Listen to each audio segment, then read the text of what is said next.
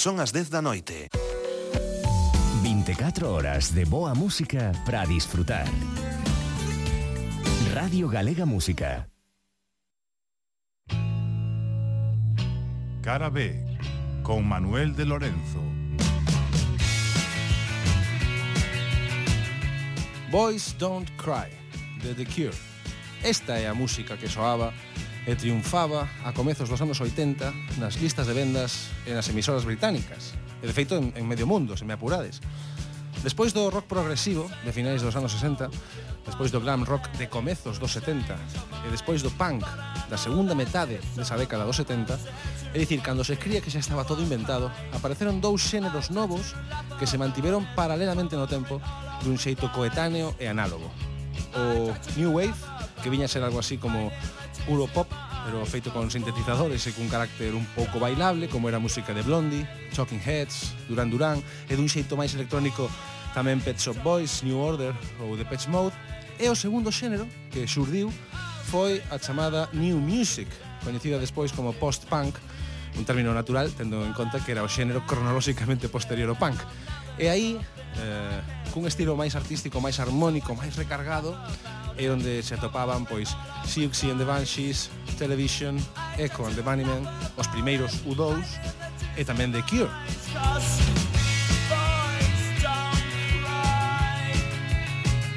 E de súpeto, algún punto afastado desa mestura de tendencias marcadas polo post-punk e o new wave e o, e o propio pop clásico, claro, e comercial, como The One, por exemplo, con George Michael, e onde apareceu un cuarteto de Manchester que non se parecían a nada do que estaba a soar naquela época, e que como moitos anos despois se diría no mítico documental da BBC Seven Ages of Rock, Sete Idades do Rock, parecían vir do outro planeta.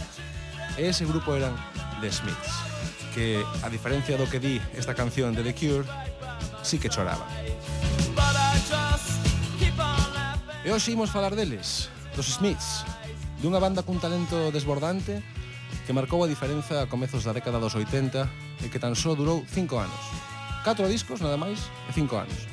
Os 5 anos que o seu fundador, o genial guitarrista e compositor Johnny Marr, conseguiu aturar o cantante e líder estético da banda, Morrissey. Os 5 anos que logrou aguantar Marr o seu carácter e as súas declaracións fora de ton e os seus cabreos e os seus caprichos de estrela do rock con delirios de grandeza intelectual.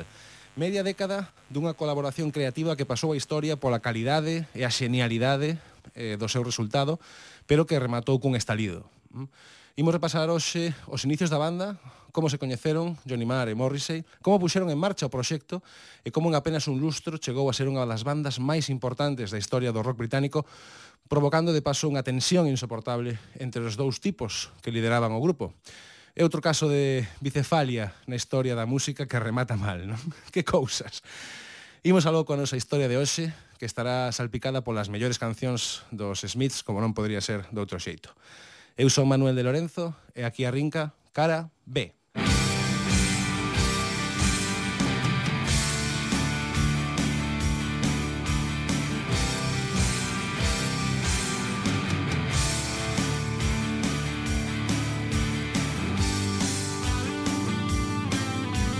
ben, vai sendo hora de deixar de falar e de escoitar un pouco os Smiths, penso eu.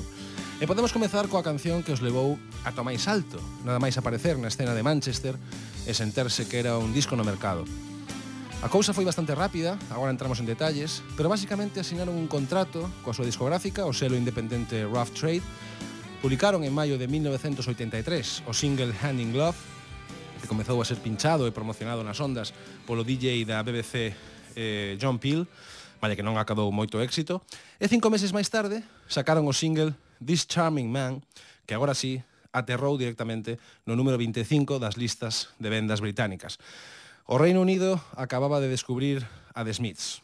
O talento de Johnny Marr coa guitarra e a brillantez de Morrissey coas letras e coa súa voz.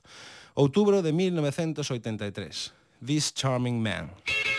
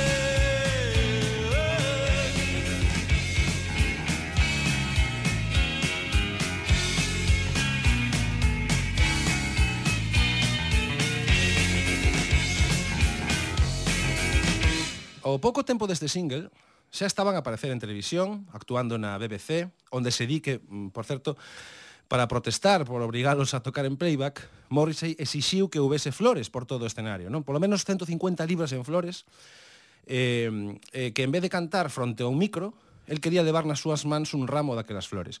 E curiosamente, esa, esa remataría sendo a, a marca da casa, non? Durante os cinco anos que durou a banda, Morrissey case sempre levou flores eh, e cantou cara flores en vez de cara ao micro. Ben mirado pode que aquela fora a imaxe icónica que os fixo medrar como ídolos na Inglaterra, naquela Inglaterra gris, non dos anos 80. Pero a historia, esta historia de catro discos e cinco anos de tensión, de tensión eh, comezou un pouco antes. A ver, realmente eh, comezou en 1978 nun concerto de Patti Smith en Manchester, cando se coñeceron Morris e Johnny Marr con 18 anos, pero nese momento ningún dos dous, digamos, sentiu un verdadeiro interese polo outro. Foi, por así dicilo, unha coincidencia previa aos inicios da banda que sería 4 anos máis tarde, en 1982.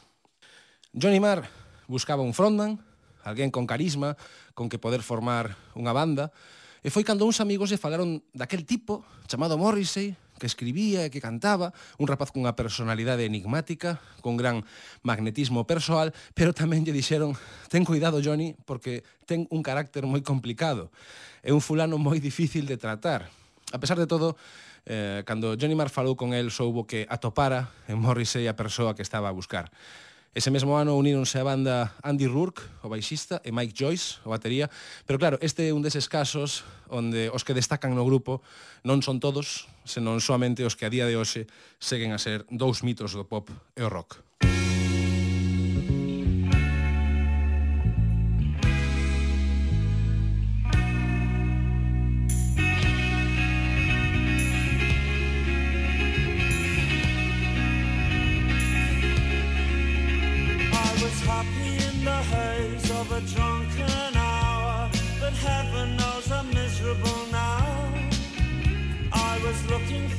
job and then I found a job.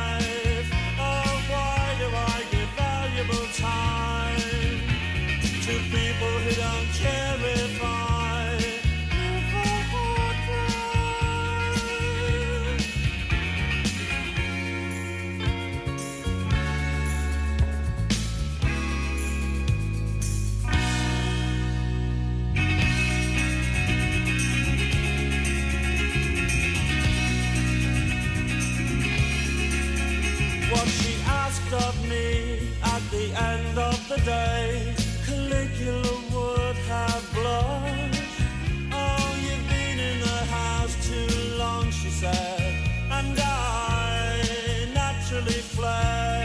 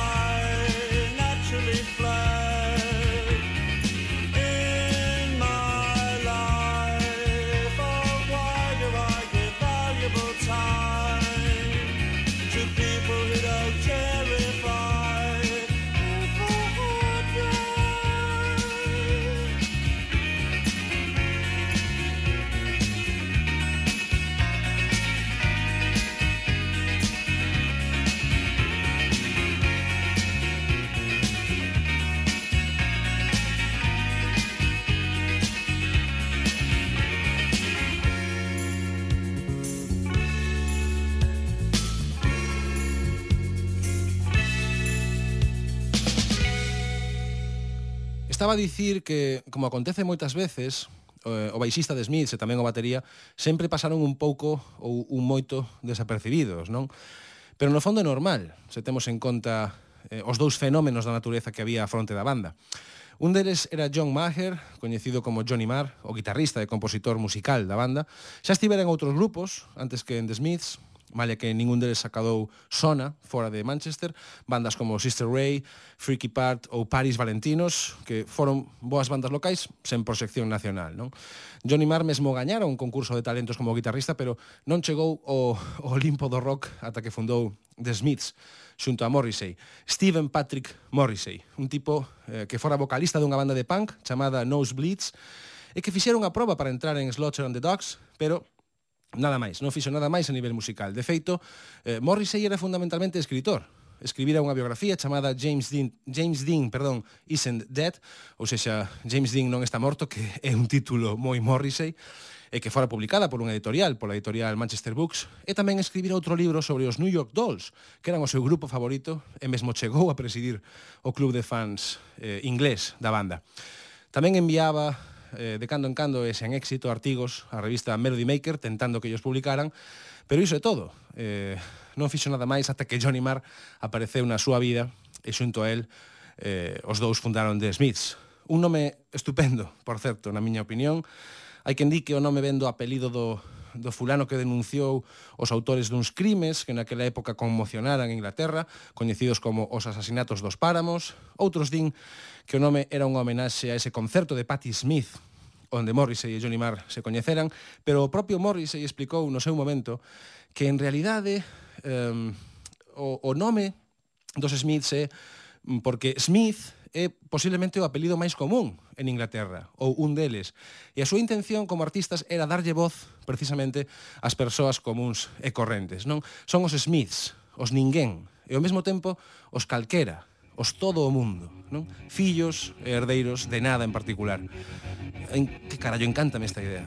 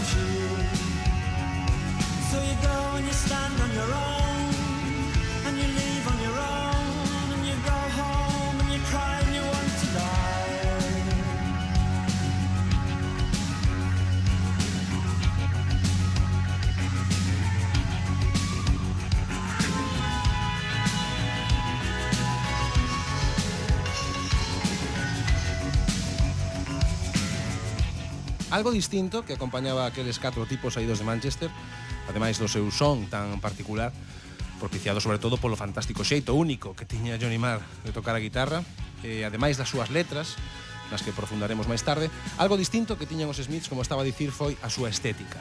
¿Mm? Por suposto, estou a falar deles, con Morrissey a fronte, que era distintos cantantes que triunfaban nesa época, moito máis teatrales, non? Como Debbie Harry ou Robert Smith ou mesmo Paul Weller. Eh, Morrissey non, era un tipo que chamaba a atención, pero que vestía dun xeito normal, da rúa, eh, levaba gafas, era moderno, pero sen estridencia. Se cadra era algo así como un hipster do seu tempo, non? Pero ademais eh, sobresaía nos Smiths eh, a estética das carátulas dos discos, nas que non aparecían eles, senón fotografías mundanas de persoaxes sobradamente coñecidos por todo o mundo. Por exemplo, eh, o single Hand in Glove, o primeiro single dos Smiths, mostraba unha foto do actor George O'Mara Espido de Costas, eh, reforzando así ese carácter erótico que se lle presumía a algunhas das letras de Morrissey.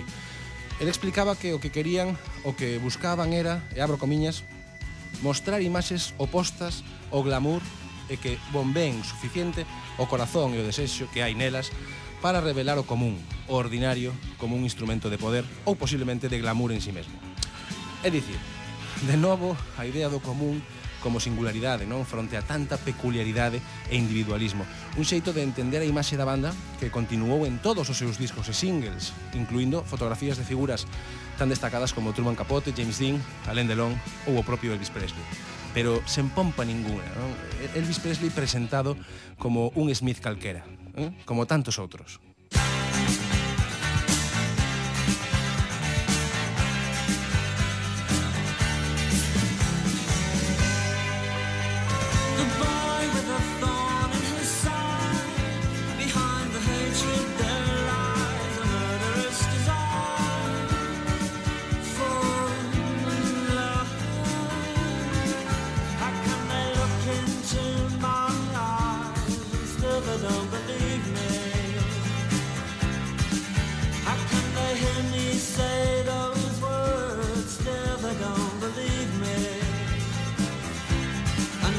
don't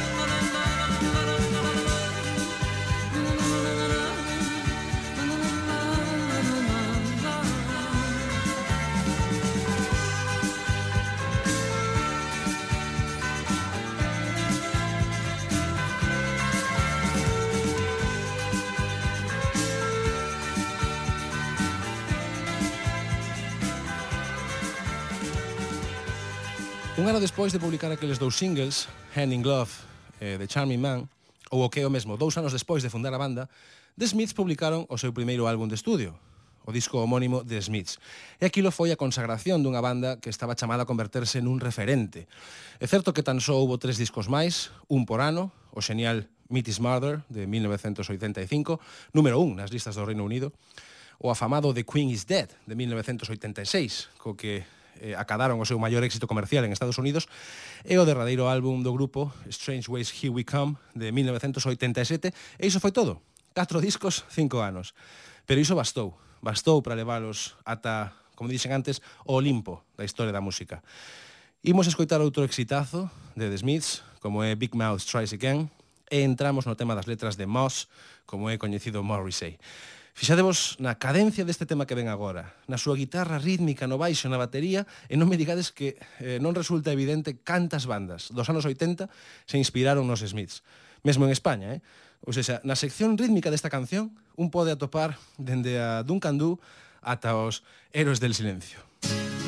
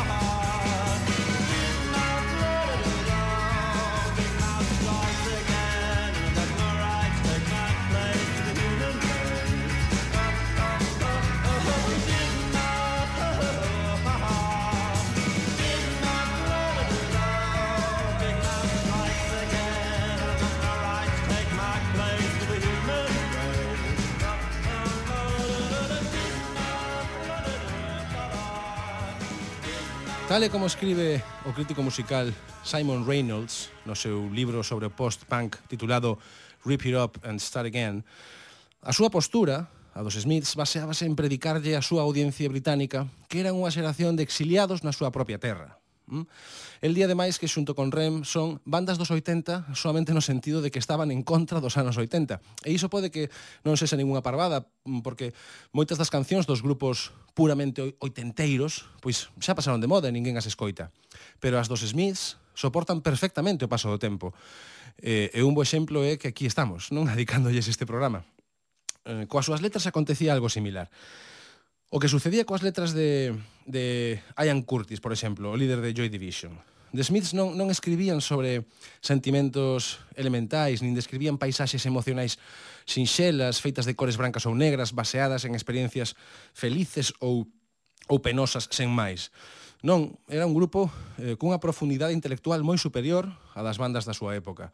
Eran case letras eh, humanistas, non? Unas que tentaban englobar toda unha serie de perspectivas vitais, existenciais, sobre os diferentes acontecementos nos que se estaba a ver envolto un, un individuo calquera da súa xeración, tanto a nivel social como a nivel persoal, non? Eh, non era puro romanticismo, por así dicilo, malia que o amor é un tema recorrente nos versos de Morrissey. Sen embargo, eh, cando habitual era, por exemplo, falar do amor, eh, do amor con brocha gorda, con letras de trazo grosso, dende un enfoque moi naif ou moi xenérico, The Smiths profundaban nas diferentes caras da sentimentalidade, colocando o foco pois sobre a timidez, sobre a sensación de soidade ou sobre a barreira que supón, mesmo nunha relación de parella, a intimidade e a privacidade. E todo isto botando man dun lirismo, o de Morrissey como escritor, que alcanzaba cotas verdadeiramente poéticas. E, e claro, este xeito de, de facer cancións supuxo unha evidente polarización entre os que eran fans dos Smiths e os que non. Ou odiabas a banda ou amabas a banda. Hm? Mentres que os detractores catalogábana como música de tristes, cousa que a min particularmente pareceríame un piropo, pero eh, pois os seus seguidores encantáballes presumir de que eran admiradores de Morrissey e de Johnny Marr, non de que eles non formaban parte da corrente xeral, de que eran distintos, especiais, sen ter eh, a necesidade de corresponderse cun estereotipo. Encantáballes os seus fans a idea de ser pois uns marxinais calquera, como case todo o mundo que non destacaba. Encantáballes a idea de ser uns incomprendidos, de ser uns sinxelos Smiths da vida.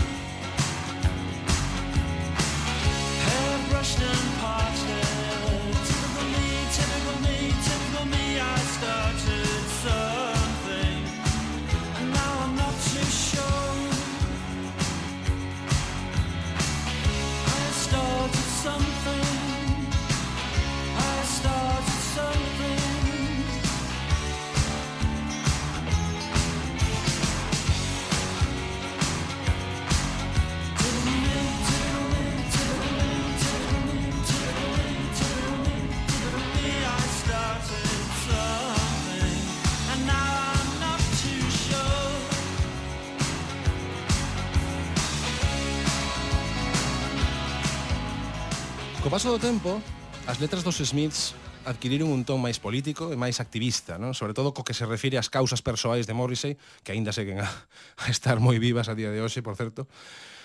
Eh, as súas letras naquela época non eh, constituían un ataque a, a, por exemplo, a realeza británica e o goberno de Margaret Thatcher. Ademais estaba aí o tema dos dereitos dos animais, eh, que pasaron a ser un asunto central nos versos de Morrissey xunto coa defensa mm, radical do, vexete, do vegetarianismo eh, de feito, o, o segundo disco dos Smiths chamase Meat is Murder, non? Ou seja, a carne é asasinato. Eh, e comezaron a, to a tocar temas cun gran peso social, como os propios asasinatos dos pantanos. E tamén empezaron a asomar pois a tendencia de Morrissey a sinalar a hipocresía da sociedade británica, como por exemplo eh, o feito de organizar eventos como Live Aid, que buscaba combater a fame negra en Etiopía, cando tal e como el dicía, Inglaterra tiña os seus propios problemas, dicía el, non? Foi tamén aí cando emerxeu o seu marcado nacionalismo británico ou inglés mesmo, eh, tamén o seu antieuropeísmo e, se me apurades, o seu desmedido ego persoal, sé que antes eh, ese ego se atopaba en niveles en niveis tolerables, eh, cousa que seguramente para Johnny Marr non, porque eh, Johnny Marr nunca chegou a tolerar eh, a, a Morrissey. Non tanto pola ideoloxía de Morrissey, que semella levar toda a vida dando bandazos dun lado a outro, senón polo escaso tacto do cantante e a súa postura radical e pasivo-agresiva ou directamente agresiva eh, con todo o que defendía. Non? Algo que non impediu, por suposto, que se convertera nun ídolo para a xuventude, polo seu aspecto, polo seu atractivo, polo seu carisma, polas súas letras e pola súa voz.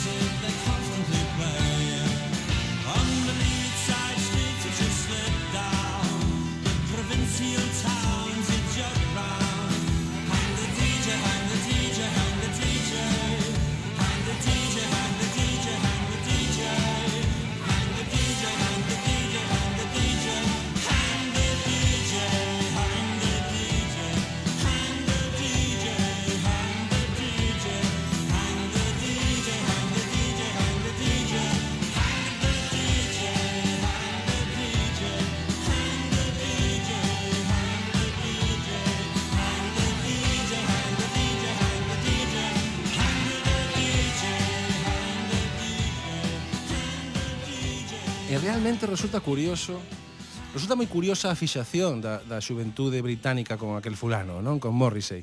A fin de contas, mm, máis aló das, das súas constantes declaracións polémicas, eh, sobre o escenario non deixaba de ser un rapaz pois que se movía dun xeito extraño, ás veces con bailes descompasados, ás veces con movimentos moi ríxidos, outras veces dunha forma moi estrambótica, con ese corpo tan grande, tan alto, sempre coas súas flores, non? se foran nas mans ou nos petos traseiros, que de cando en vez pois lle, lle lanzaba ao público ou axitaba, eh, como se estivera tolo, non, non, non tiña nada que ver cos, cos canons das, das estrelas do rock, e, sen embargo, fascinaba o seu público. De feito, se cadra iso era Eh, o que fascinaba ao seu público, non? A rareza, a singularidade daquel sinxelo Smith calquera eh, que en realidade non o era tanto.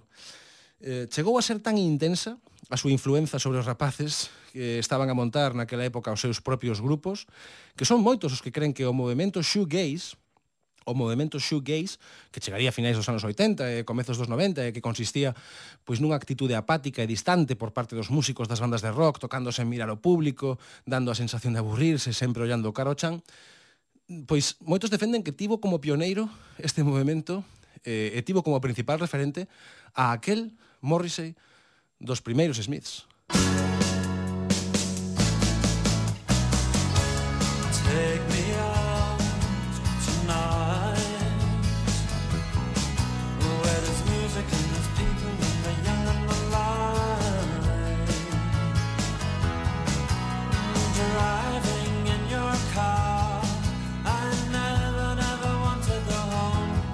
Cause I have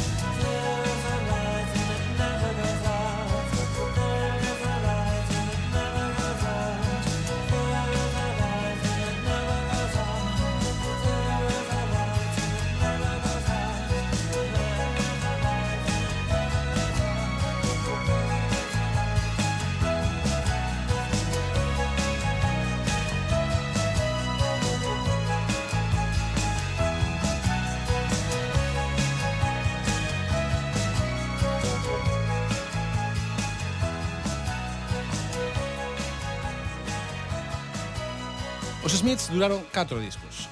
Foi unha banda de vida moi curta, de tan só 5 anos. Tres décadas despois de separarse, no ano 1987, Johnny Marr explicou nunha entrevista para a revista NME que a principal razón da ruptura da banda, malla que poida resultar moi evidente hoxendía para todo o mundo, foi a personalidade insoportable de Morrissey, non? Despois de contratar, eh, despedir a un número incontable de managers en tan só media década a ver se alguén era capaz de enderezar aquilo, Johnny Marr sentiu que toda a responsabilidade recaía sempre nel. Nun tipo que por aquel entón tiña 25 anos. Eh? E que entendía que era o único dos dous fundadores da banda que tiña a cabeza ben posta. El considerou que non era capaz de xestionar unha banda que se convertera no grupo máis influente do pop e rock británico nos anos 80 e que tiña como líder a aquel fulano tan pedante tan impertinente. Morrissey podía ser un intelectual, un pensador, un poeta, pero era un tipo inaguantable. Mm. E iso, por norma xeral, acaba coa vida de calquera relación de convivencia. É certo que os intentos de levantar aquilo foron moitos, que os intentos de recuperar a senda dos Smiths, eh, mesmo se repetiron varias veces anos despois da separación, pero a resposta de ambos sempre foi que non, porque non se pode pretender manter unido o que está roto para sempre. Como broma está ben, pero hai bromas que deixan de ser graciosas nun momento dado e nunca máis o volven ser. Park the car at the side of the road You should know time's tide will smother you. And I will too.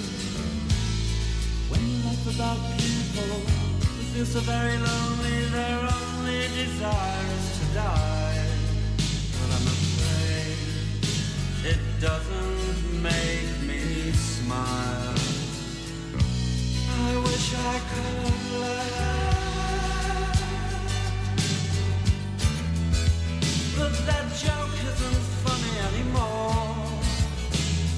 too close to home and it's too near the bone.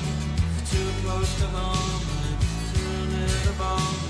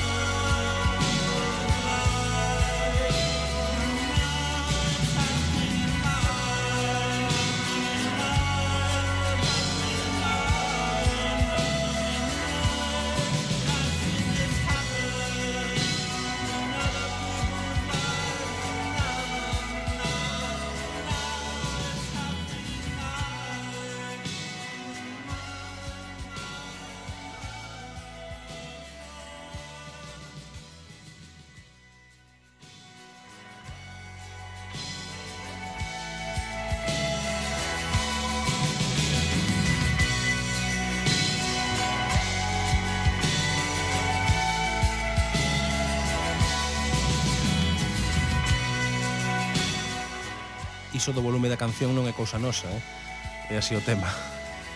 En fin, vou pechar hoxe o programa cunha reflexión sobre esta fugacidade dos Smiths, se vos parece ben, porque ese non tamén.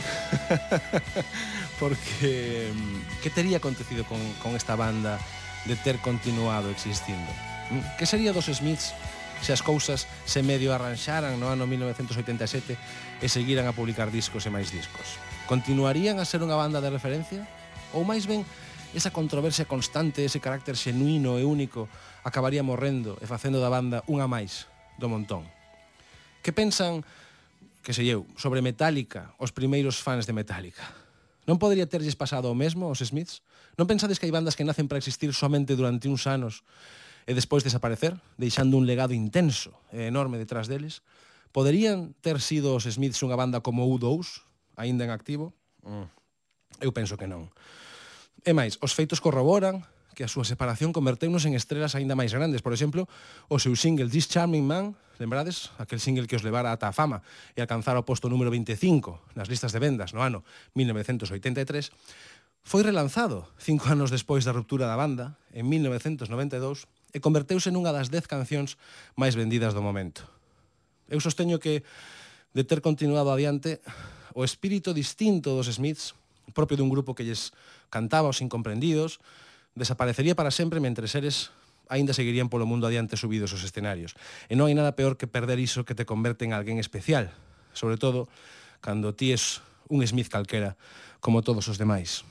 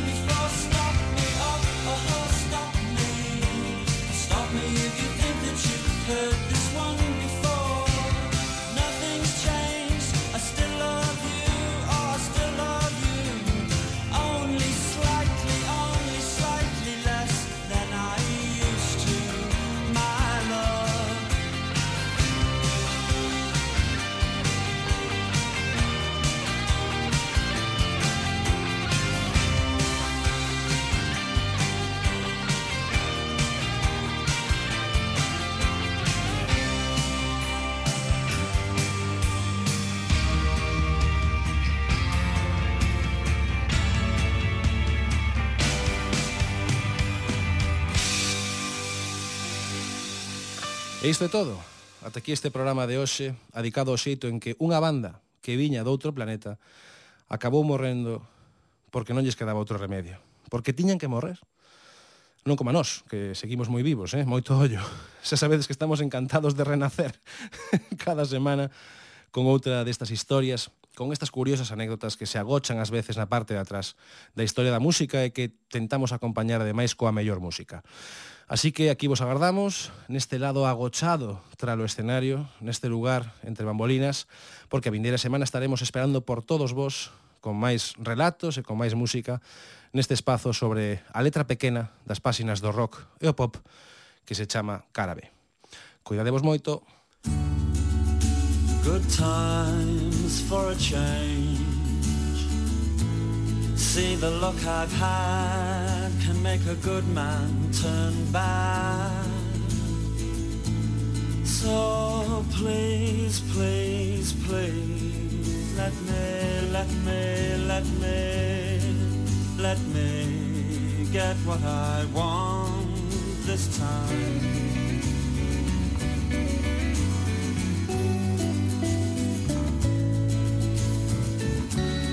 Haven't had a dream in a long time. See the life I've had can make a good man bad. So for once in my life let me get what I want. Lord knows it would be the first time. Lord knows it would be the first time.